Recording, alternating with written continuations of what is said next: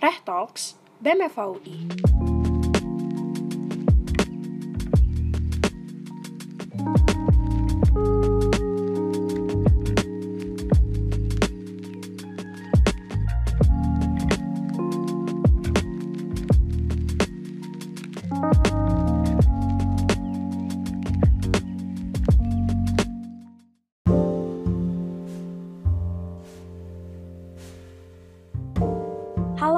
dan teman-teman semua.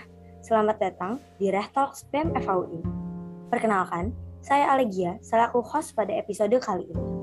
Reh Talks adalah kanal podcast resmi dari BEM FAUI yang membawakan berbagai topik yang relevan dengan menghadirkan pembicara hebat yang tentunya akan memberikan inspirasi dan ilmu-ilmu baru kepada kita semua. Di episode spesial kali ini, Biro Hubungan Masyarakat BEM FAUI 2021 mengundang Mbak Kiara Leswara sebagai pembicara pada episode Life Balance 101, Work, Education, and Social. Pada topik kali ini, kita akan membahas betapa pentingnya menyeimbangkan ketiga hal tersebut dalam kehidupan sehari-hari. Episode kali ini akan menjelaskan bagaimana Mbak Kiara Leswara terlihat dapat menyeimbangkan waktu kerja, pendidikan, hingga kehidupan sosialnya sehingga semuanya terlihat balance dan fun. Nah, Mbak Kiara Leswara ini, teman-teman, adalah alumni FAUI tahun 2015. Ia telah memulai karirnya sebagai seorang YouTuber sekaligus beauty influencer yang kerap membagikan tips beauty, makeup, dan life tips. Nah, uh, Mbak Kiara Suara ini channel YouTube-nya sudah mencapai lebih dari 500 ribu subscriber dan uh, lebih juga dari 270 ribu followers pada akun Instagramnya. Gila, keren banget nggak sih nih Mbak Kiara Leswara? Thank you Ale. Oke, tanpa berlama-lama lagi, di sini kita sudah bersama dengan Mbak Kiara Leswara, yang tadi suaranya juga sudah sempat terdengar tuh. Nah, bersyukur banget nih ya Mbak, kita di sini masih diberikan kesehatan. Karena di era pandemi ini ya, kita harus tetap stay healthy dan juga stay safe. Mungkin Mbak Kiara boleh jelasin dulu nih Mbak ke kita, kesibukannya apa aja sih sekarang?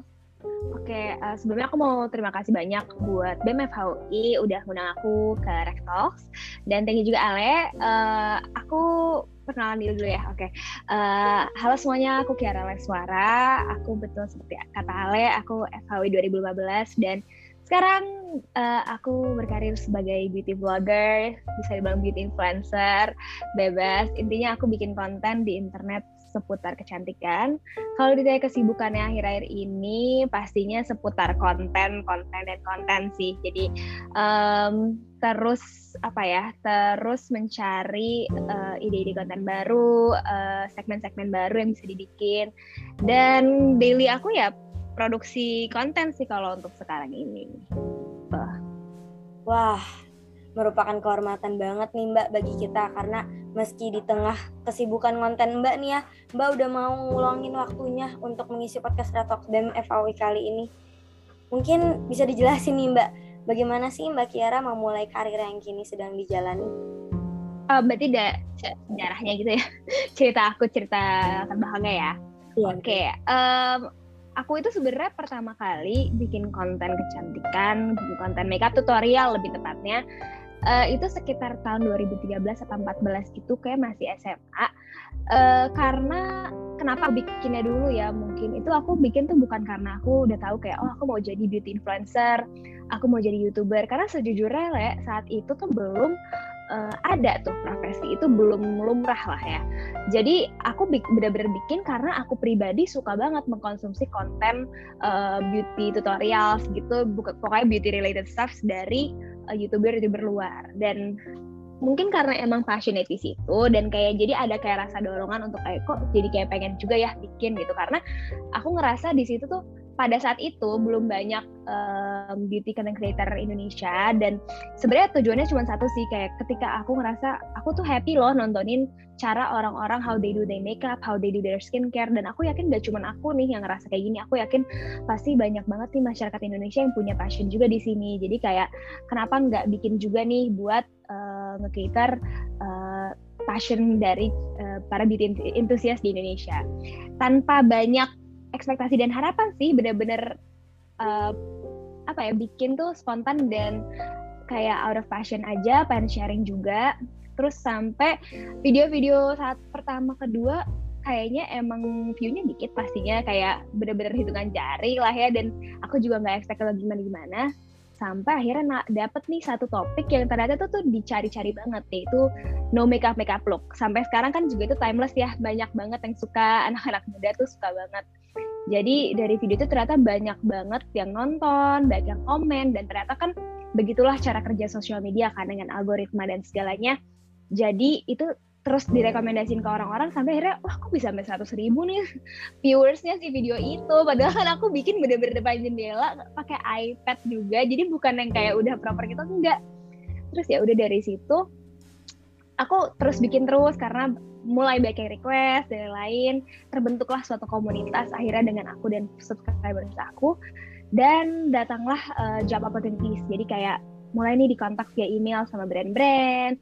Oh ternyata setelah aku jalanin terus uh, itu oh ini tuh ternyata tuh uh, profesi loh gitu. Beauty vlogger beauty youtuber gitu. Jadi aku jalanin terus-terusan dan sampai di titik aku rasa kayaknya oh oke okay, aku suka banget ngelakuin ini dan at the same time aku bisa menjadikan ini sebagai karir aku. Jadi oke okay deh akhirnya aku lanjut di situ sampai sekarang. Gitu. Nah aku mau tanya nih mbak. Selama di FAUI Mbak Kiara tuh ikut organisasi kepanitiaan atau lomba gitu nggak sih Mbak? Aku kepani aku dulu alsa sih, tapi aku staff aja. Gak sam kalau kepanitiaan juga event cek cek kalau nggak salah sama event-event alsa pastinya. Tapi aku jujur udah ada lupa apa aja. uh, Mbak tapi kan tadi Mbak juga sempat bilang ya Mbak kayak di uh, selama kuliah ini pernah ikut alsa juga mm -hmm. terus kayak Mbak juga kuliah hukum gitu kan Mbak kayak rada berbeda nih sama hmm. karir yang Mbak jalani. Iya, nah, uh, kenapa sih Mbak memutuskan untuk uh, pursue karir ini gitu? Hmm, kalau aku sih uh, aku memutuskan untuk ini tuh sebenarnya juga nggak sesimpel itu sih kayak uh, jujur awal aku juga masih agak galau tengah-tengah. Karena kan ini kan uh, gimana ya ini kan jujur pekerjaannya itu sebenarnya agak nggak ada kepastian gitu loh. Karena balik lagi tadi aku nggak kerja ke seseorang gitu tapi aku kerja sendiri. Jadi ini semua tuh tergantung aku. Terus uh, oke okay, aku coba jalanin kan tuh kerja sambil kuliah uh, dan ternyata kok oh ini aku sambil menjadikan kasarnya itu kan menjadi second thing aku ya. Tuh saat itu kan aku uh, main aku ngerasa kayak udah main role aku ya sebagai ini aja dulu sebagai mahasiswi dulu gitu loh. Karena kan itu tuh kalau aku ngeliatnya soalnya kalau misalnya jadi mahasiswa itu udah timelinenya udah fix lah gitu. Kita udah ada kayak udah tahu nih ujungnya harus skripsi harus sidang dan ada timelinenya ada waktu jangka waktunya gitu. Sedangkan kalau misalnya kalau misalnya pekerjaan ini kan aku tuh bisa sambilan nih gitu.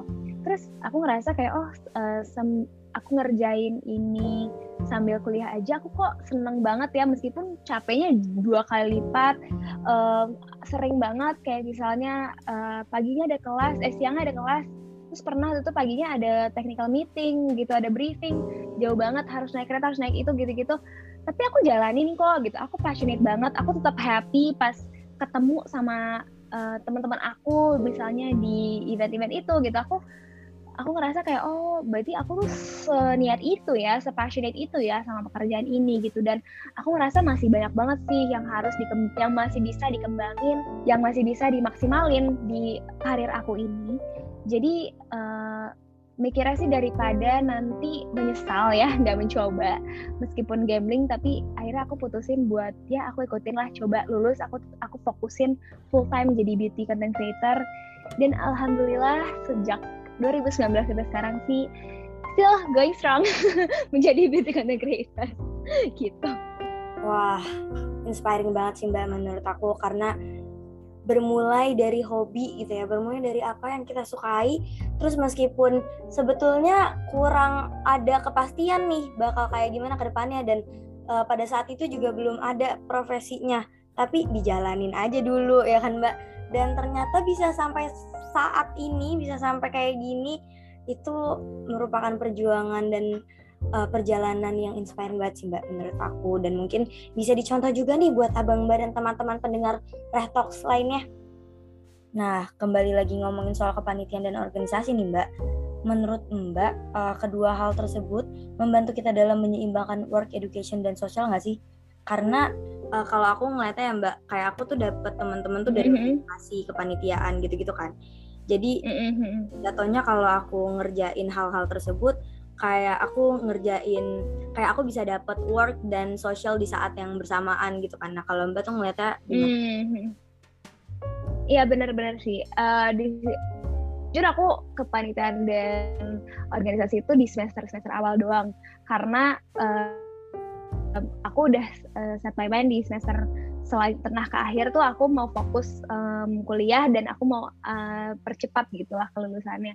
Em, cuman yang benar kata kamu eh, pas organisasi itu tuh ngebantu banget sih buat mengasah skill aku di situ menurut aku aku dapet semuanya sih kayak educationnya ya, menurut aku kayak kita nggak ngomongin education farma aja ya cuman aku ngerasa aku belajar banyak banget tuh dari em, kepanitiaan organisasi itu. Gimana sih cara bekerja dengan orang lain? Gimana sih cara handle masalah problem solving dan lain-lain?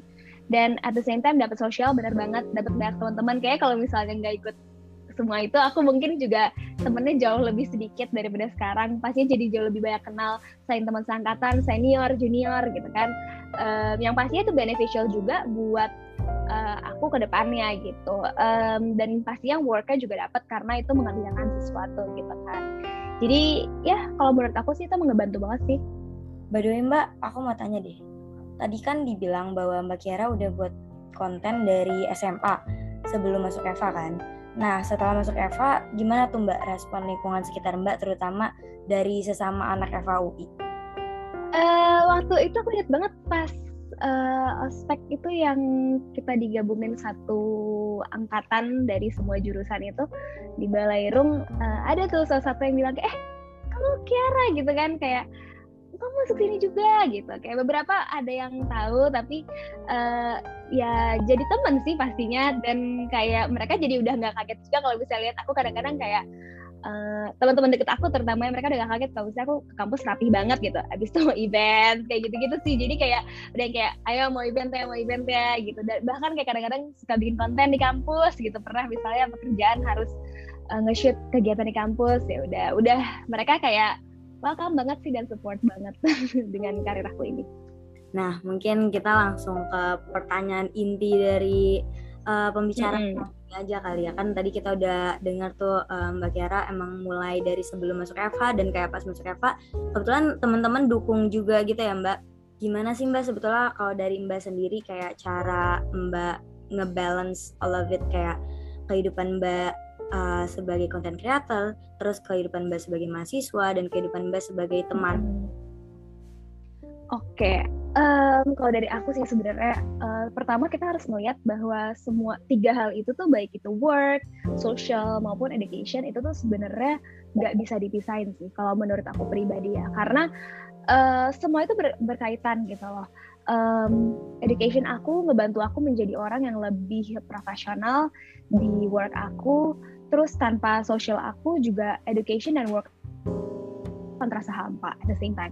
Terus eh, pokoknya begitu terus dia muter-muter terus dan juga eh, tanpa work aku pastinya eh, gak akan ada nih yang bisa menopang untuk aku bersosialisasi ya nggak sih dan juga em, education itu kan juga butuh eh, biaya juga gitu. Nah eh, kalau dari aku sendiri sih cara balance-nya sebenarnya gini ya, nggak setiap sa- balance itu sendiri menurut aku nggak bisa dibilang kayak oke satu hari ini dua jam buat kerja dua jam buat eh, kuliah dua jam buat teman nggak bisa kayak gitu. Karena menurut aku ini tuh constant decision yang harus diambil. Jadi tergantung situasinya. Misalnya ada hari-hari yang aku harus eh, memprioritaskan pekerjaan aku ada hari-hari aku harus memprioritaskan eh, education aku dan ada hari-hari yang aku memprioritaskan social aku. Nah, gimana caranya? Yaitu kalau aku pribadi, secara teknis aku tuh biasanya bikin weekly planner. Jadi em, aku udah tahu nih kira-kira eh, di setiap hari yang akan datang itu. Jadi aku biasanya bikin hari Minggu. Terus aku udah tahu kira-kira tuh dari eh, dalam tujuh hari ke depan itu di setiap hari yang akan datang itu aku tuh ada apa sih major eventsnya. Um, dilihat deh. Jadi kita dari situ aku bisa bikin skala prioritas. Uh, misalnya ada ujian atau ada ujian praktek apalagi itu kan uh, dari education yang benar-benar nggak bisa dihindari dan uh, normalnya nggak bisa di schedule ya, nggak bisa enaknya di schedule gitu. Berarti pada hari itu aku pastinya harus uh, prioritize si education aku. Of course mungkin work aku jadi aku um, yang tadinya mungkin harus bikin dua video, aku kurangin misalnya jadi satu video aja. Terus sosialnya mungkin itu bisa bareng juga tuh, sosial bisa irisan juga sembari lagi bela uh, belajar buat educationnya aku bisa sambil bersosialisasi kan sama teman-teman aku juga buat maintain uh, social life aku gitu. Terus uh, misalnya ada, ada juga opportunity opportunity opportunity dari pekerjaan yang kadang tuh kan nggak bisa datang dua kali ya. Misalnya ada campaign yang besar atau mungkin ada bisnis trip ke mana gitu. Nah itu aku lihat-lihat dulu. Kira-kira pada saat itu uh, aku ada di education aku nih uh, bisa lebih fleksibel nggak gitu kan? Kalau fleksibel oke, okay. berarti aku prioritasin untuk yang si worknya jadi kalau aku sih ngelihatnya gimana caranya aku bisa nge-fulfill semaksimal mungkin setiap aspek itu tapi dengan waktunya sendiri-sendiri dan dengan uh, skala prioritas pastinya kalau aku sih kayak gitu sih Les. Oke deh Mbak, tapi berarti menurut Mbak penting lah ya Mbak untuk menyeimbangin semua hal tersebut. Penting, penting banget sih. Harus pintar-pintar banget karena kan tiga hal itu tuh kayak apa ya komponen utama kehidupan apalagi kita yang di usia produktif ini ya. Kalau ada satu aja yang kurang tuh pasti hidup kita ya pasti ya nggak balance gitu kan karena tanpa pekerjaan ya kita nggak ada kegiatan yang buat uh, menghasilkan uh, pendapatan dan juga untuk pengembangan diri juga. Terus tanpa education kita juga akan lebih kesulitan nih untuk uh, mendapatkan pekerjaan itu sendiri. Terus tanpa teman-teman yang tadi aku bilang pasti kita jadinya semuanya jadi hampa gitu loh jadi ada yang kurang. Jadi emang tiga itu harus pintar-pintar diseimbangkan. Tapi menurut mbak kayak uh, dari work education and social tersebut tuh pernah beririsan gak sih mbak? Dan kayak Kalaupun iya, hmm. apakah itu bermanfaat atau malah justru membuat musibah gitu? Uh, beririsan uh, pernah sih ya sering sih dan menurut aku di saat-saat itu beririsan itu tuh bisa maksimal banget gitu loh karena di satu waktu bisa mendapatkan tiga komponen itu kan. Coba kalau misalnya dari kamu nih kalau beririsannya gimana nilai? Sorry, aku boleh minta contoh nggak mungkin? Mungkin kayak ini kalian ya, mbak uh, misalkan di satu waktu yang bersamaan itu mbak lagi ada kerjaan atau lagi ada um, tadi kayak ujian something gitu tapi di saat yang bersamaan juga hmm. uh, temen mbak ada yang ulang tahun ada yang atau oh oke okay. tiga tiganya butuh dalam satu waktu gitu ya maksud kamu ya um, kalau dari aku sih lagi-lagi kalau itu balik lagi sih uh, ke prioritasnya dan lihat ke kira-kira apa nih yang bisa di yang bisa masih bisa datang lagi nantinya mana yang enggak juga gitu. Karena um, kan semua tuh soal momentum ya. Jadi kayak ada beberapa hal dalam hidup yang nggak bisa nggak bisa dua kali gitu. Kalau misalnya kayak tadi temen ulang tahun terus ada ujian atau gimana. Sedangkan temen ulang tahun itu dia pasti kita udah tahu tuh dari jauh-jauh hari. Nah itu pintar-pintar tuh kayak udah tahu ada tiga komponen itu yang harus dipenuhi. Berarti uh, mendekati dari hari si ulang tahun itu aku udah harus nyicil belajarnya dari jauh-jauh hari. Jadi mungkin yang biasanya hamin dua ini hamin lima misalnya gitu. Jadi emang harus lebih taktis gitu supaya kita bisa penuhin tiga-tiganya. Itu contoh aja sih sebenarnya kayak gitu. Uh, ya. sih mbak. Kayak sehari-hari itu mbak berarti ngerasa udah maksimal belum ngejalanin ketiga hal tersebut? Atau kayak ada beberapa hari yang mbak ngerasa kayak aduh ini bisa nih dikerjain lebih lagi gitu? Ah kalau masalah maksimal atau enggak sebenarnya itu agak relatif sih ya. Cuman um, dan sebenarnya kalau ngomongin maksimal di sini tuh kalau buat aku pribadi tuh bukan. Misalnya gini kan aku tadi bilang kan aku selalu bikin to do list dan aku selalu bikin kayak kalender uh, kerjaan dan lain-lain nah um, kalau dari aku tuh bukan masalah kayak oh harus benar-benar 100% kelar semua nih check off uh, to do listnya gitu karena uh, sebenarnya kalau dari aku malah yang maksimal itu ketika aku bisa berusaha semaksimal mungkin di prosesnya dalam aku mengerjakan itu. Nah, nggak nggak jarang sih kayak di akhir hari kayak oh misalnya ada satu dua yang nggak kelar gitu ya. Cuman aku udah maksimal nih di hal-hal yang udah aku uh, kerjain di poin-poin lainnya gitu. Itu aku ngerasa aku udah aku ngerasa aku udah maksimal tuh hari itu gitu. Uh, dan so far sih selama ini uh, bener kata kamu uh, ada hari-hari yang mungkin aku ngerasa kayak oh ini harusnya bisa lebih bisa lebih atau bisa gimana. Cuman aku nggak pernah ngerasa kayak oh ini hari ini kurang banget nih hari ini fail gitu. Enggak karena aku udah tahu dari awal kayak uh, apa namanya ya gimana ya kadang-kadang kan emang ada hal-hal yang ternyata tuh eksekusinya tuh uh, lebih lama gitu ya dibandingkan yang kita planning. Dan itu tuh nggak apa-apa gitu. Jadi uh, kalau dari aku sih bisa dibilang aku merasa udah cukup maksimal gitu. Aku ya aku nggak ambil pusing kalau misalnya ada yang belum check off atau gimana. Sepanjang uh, tanggung jawab aku kewajiban aku untuk misalnya emang deadline ya itu pasti udah harus didahulukan gitu loh. Jadi sebenarnya sih balik lagi ke skala prioritas. Dalam to-do list sehari-hari itu juga harus tahu yang mana yang benar-benar urgent, mana yang enggak gitu kan.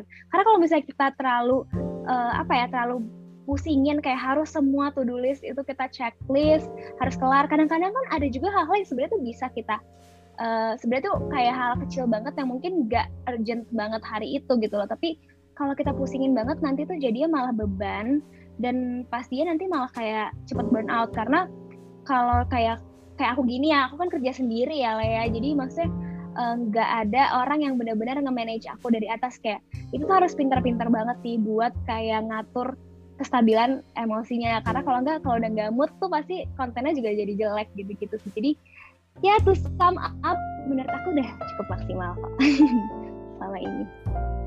Nah mbak aku mau tanya nih. Pernah nggak sih mbak Kiara udah ngatur jadwal sedemikian mungkin untuk ngelakuin A, B, C, dan seterusnya, tapi tiba-tiba ada aja hal-hal yang tidak diduga yang menggagalkan plan-plan Mbak itu. Sering, jujur, jujur itu sering sih. Maksudnya kayak uh, benar kata kamu, uh, pasti kadang-kadang tuh ada aja external factors yang gak diduga-duga deh, nggak kita planning tiba-tiba merusak plan kita kan. Cuman um, somehow gimana ya, eventually semua tuh bakal turns out oke okay kok maksudnya yang penting tuh kalau aku ya kalau aku sih prinsipnya tuh yang penting aku always do my best dan give my best effort. Karena kalau udah uh, aku udah ngelakuin itu dan masih ada sesuatu yang error gitu biasanya itu emang gimana ya udah nggak bisa dihindarin gitu loh. Dan pasti ntar ada jalan keluarnya sendiri. Kan semua tuh bisa dikomunikasiin juga kan. Kayak misalnya um, apa ya pernah misalnya udah planning uh, ABC tiba-tiba misalnya aku sakit atau tiba-tiba oh ada keperluan harus keluarga harus ke rumah keluarga gimana gitu.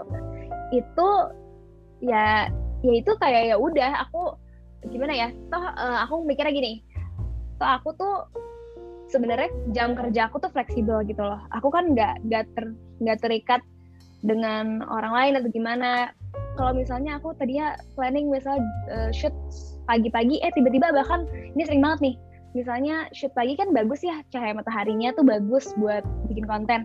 Tiba-tiba ternyata hujan atau gimana ya udah uh, kamu with other plans kayak gitu-gitu sih. Jadi emang harus lebih legowo dan kre dan kreatif juga. Karena kalau misalnya sedikit-sedikit dibawa stres dibawa kesel baik lagi nanti jadinya malah cepet burn out sih kalau dari aku pengalaman aku kayak gitu. Oke. okay. Uh, berarti ya tadi ya kata Mbak Kiara harus lebih legowo dan kreatif. Jadi kita harus uh, bikin bukan bikin sih ibaratnya apa ya kayak langsung pikir cepet gitu lah ya Mbak plan penggantinya apa nih mm. C-nya Z-nya. Yes. Iya jangan kayak terlalu kaku dan terpaku kayak kalau nggak A ya udah nggak usah gitu nggak bisa karena ya ini namanya juga hidup ya gitu kita tuh banyak hal-hal faktor-faktor lain yang kita kadang nggak bisa kontrol gitu hmm, oke deh aku ngerti. Hmm kalau dari aku sih yang pasti uh, jangan terlalu kayak misah-misahin kayak oh ini work aku ini social aku ini uh, apa namanya education aku gitu.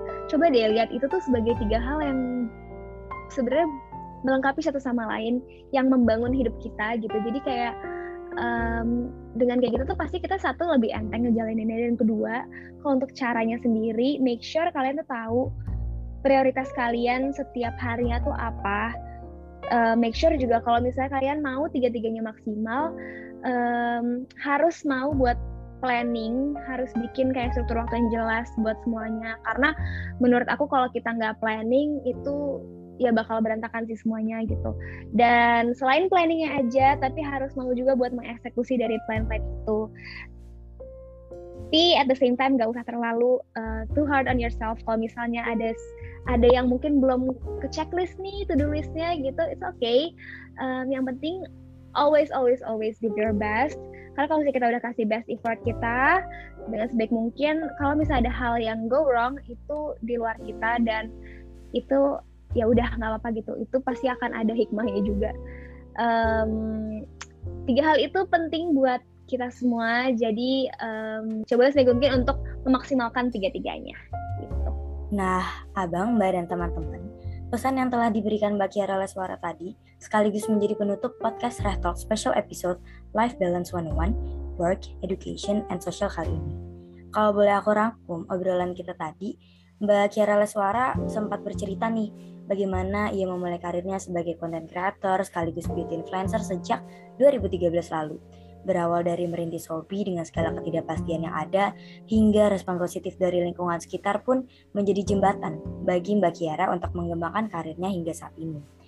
Mengenai work, education, dan social, Mbak Kiara berkata bahwa ketiga hal tersebut adalah komponen penting bagi hidup kita yang harus terus dijalani secara seimbang. Tanpa pekerjaan, kita tidak akan dapat sumber pendapatan. Tanpa social life, kita tidak dapat menjalankan pekerjaan kita dengan baik. Dan tanpa education, akan sulit untuk kita dapat pekerjaan yang kita inginkan. Maka dari itu, ketiga hal tersebut merupakan sebuah constant decision yang harus diambil. Mereka tidak dapat dibagi secara merata seperti dua jam work, dua jam education, dan dua jam social, melainkan dibagi secara seimbang sesuai dengan kepentingannya masing-masing. Apabila dari ketiga hal tersebut ditemui beberapa kegiatan yang beririsan, maka bisa dilihat lagi nih dari skala prioritas dan momentum yang ada apakah kegiatan tersebut masih bisa diundur, masih bisa terjadi lagi, dan lain sebagainya. Mbak Kiara sendiri kerap menggunakan planner untuk memastikan kegiatan-kegiatannya tersusun dengan rapi dan jelas, sehingga dapat dilaksanakan secara maksimal. Meski demikian, memang kadang terdapat beberapa external factor yang dapat merusak plan tersebut. Tapi, Abang Mbak dan teman-teman harus tahu nih, bahwa eventually everything will turns okay and please don't too hard to yourself. Yang penting kita udah do and give our best efforts. Pasti semua akan ada jalan keluarnya sendiri. Karena pada dasarnya maksimal atau tidaknya ketiga hal tersebut kita jalani itu relatif. Bisa saja ada beberapa to-do list yang tidak terlaksana, tapi hal-hal lain dapat terlaksana secara maksimal. Maka dari itu, nggak usah diambil pusing kita harus lebih legowo dan kreatif dalam memikirkan plan-plan pengganti lainnya, agar tanggung jawab yang diamanakan tetap dapat terlaksana. Kami harap penjelasan tadi dapat meningkatkan pengetahuan dan ketertarikan abang, mbak, dan teman-teman mengenai bagaimana sih cara menyeimbangkan hidup kita, terutama di bidang sosial, work, and education. Dengan demikian, berakhirlah sudah episode 13, Life Balance 101, Work, Education, and Social sebagai episode spesial penutup Reh Talks pada kepengurusan BEM FAUI 2021. Saya ingin mengucapkan terima kasih kepada Mbak Kiara Leswara yang telah meluangkan waktunya untuk mengobrol bersama kami. Tidak lupa juga saya ucapkan terima kasih kepada Abang, Mbak, dan teman-teman yang telah setia mendengarkan Reh Talks. Akhir kata, saya ingin memohon maaf apabila terdapat kesalahan kata, baik yang disengaja maupun tidak disengaja. Saya Alegia selaku host pamit undur diri. Sampai jumpa Abang Mbak dan teman-teman semua. BEM FAW 2021, selaras kembangkan cita. thank you